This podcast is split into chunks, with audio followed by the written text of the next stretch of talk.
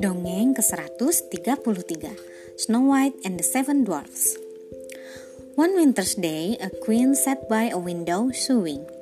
She accidentally pricked her finger with the needle and saw how beautiful the red looked against the dark ebony window frame and the white snow. A few weeks later, the queen had a baby girl.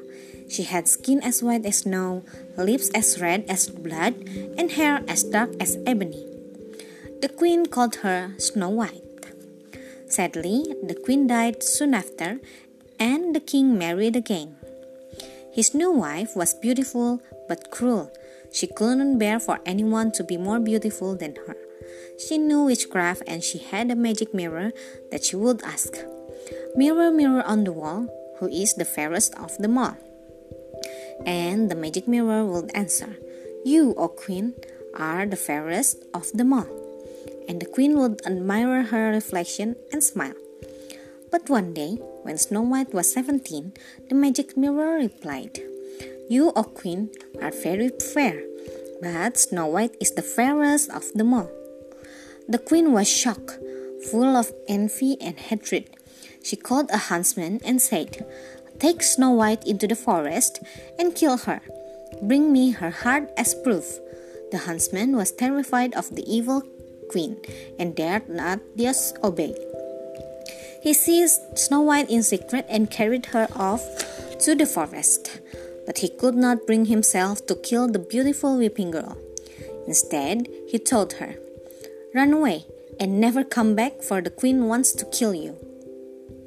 The huntsman slew a young boar and took its heart back to the queen, saying he had carried out her wishes. And Snow White disappeared through the trees as fast as her legs could carry her. She ran and ran until evening began to fall. Then she stumbled across the little cottage and she was so exhausted that she went into rest. Everything in the cottage was small but very neat. There was a table laid with seven little plates, seven little knives and forks and spoons, and seven little mugs. Against the wall stood seven little beds. Snow White ate a tiny bit from each plate and drank a tiny sip from each mug. Then she sank down on the tiny bed and fell fast asleep. Later that night, the owner of the cottage came back. They were seven dwarfs who had been mining in the mountains for jewels. They were astonished to see Snow White. Oh heaven, they cried. Is it an angel? The little man watched over her all night. When Snow White awoke, she was startled to find that she was not alone, but the little man spoke kindly and gently.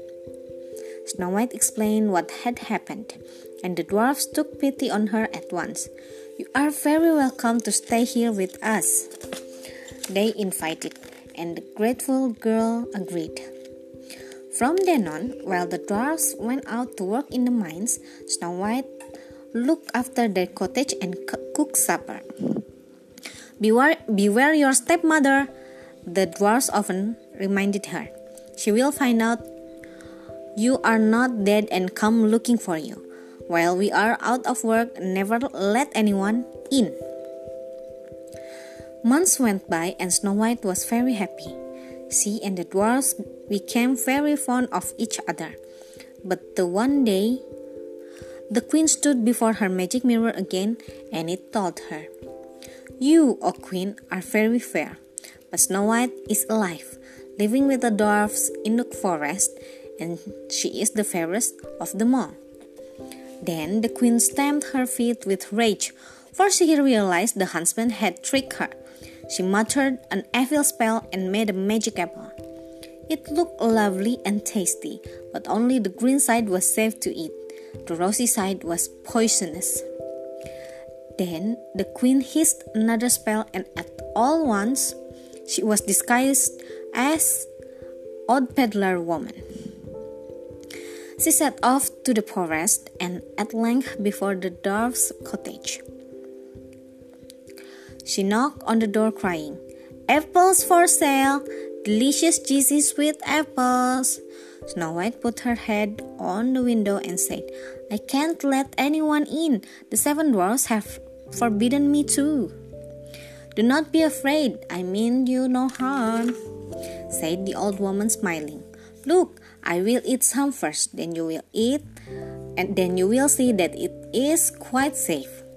The woman drew out a gleaming knife and sliced off the green half to the apple. She munched into it. See, she said, lovely. Then Snow White could not resist. She reached out through the window and took the rosy half. No sooner had she taken a bite than she fell down, dead. The disguised queen laughed a dreadful laugh and hurried back to the palace. When the dwarfs come home and found Snow White, they were horrified.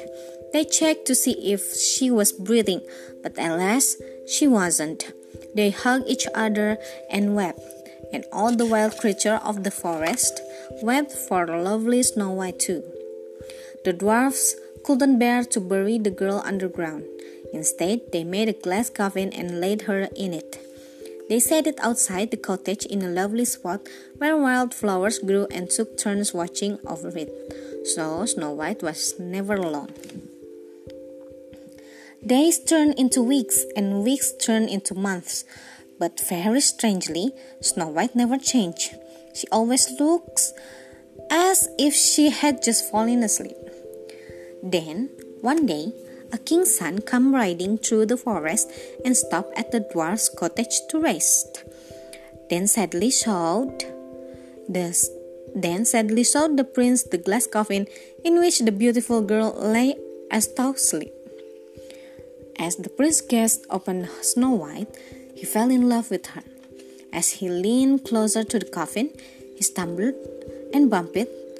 To everyone's astonishment, Snow White coughed. The piece of apple had been stuck in her throat and now come flying out. She opened her eyes and sat up. The prince insisted on taking Snow White back to his palace to recover. It wasn't long before the two were married, and the dwarfs were guests, were guests of honor at the wedding. Meanwhile, Snow White's stepmother was asking her mirror, Mirror, mirror on the wall, who is the fairest of them all? The magic mirror replied, the new queen Snow White is the fairest of them all. The wicked woman began to burn with fury so hotly that her magic set her on fire. Before long, she was just a pile of ashes and she could never harm Snow White again. Sekian, terima kasih telah mendengarkan. Selamat malam. thank you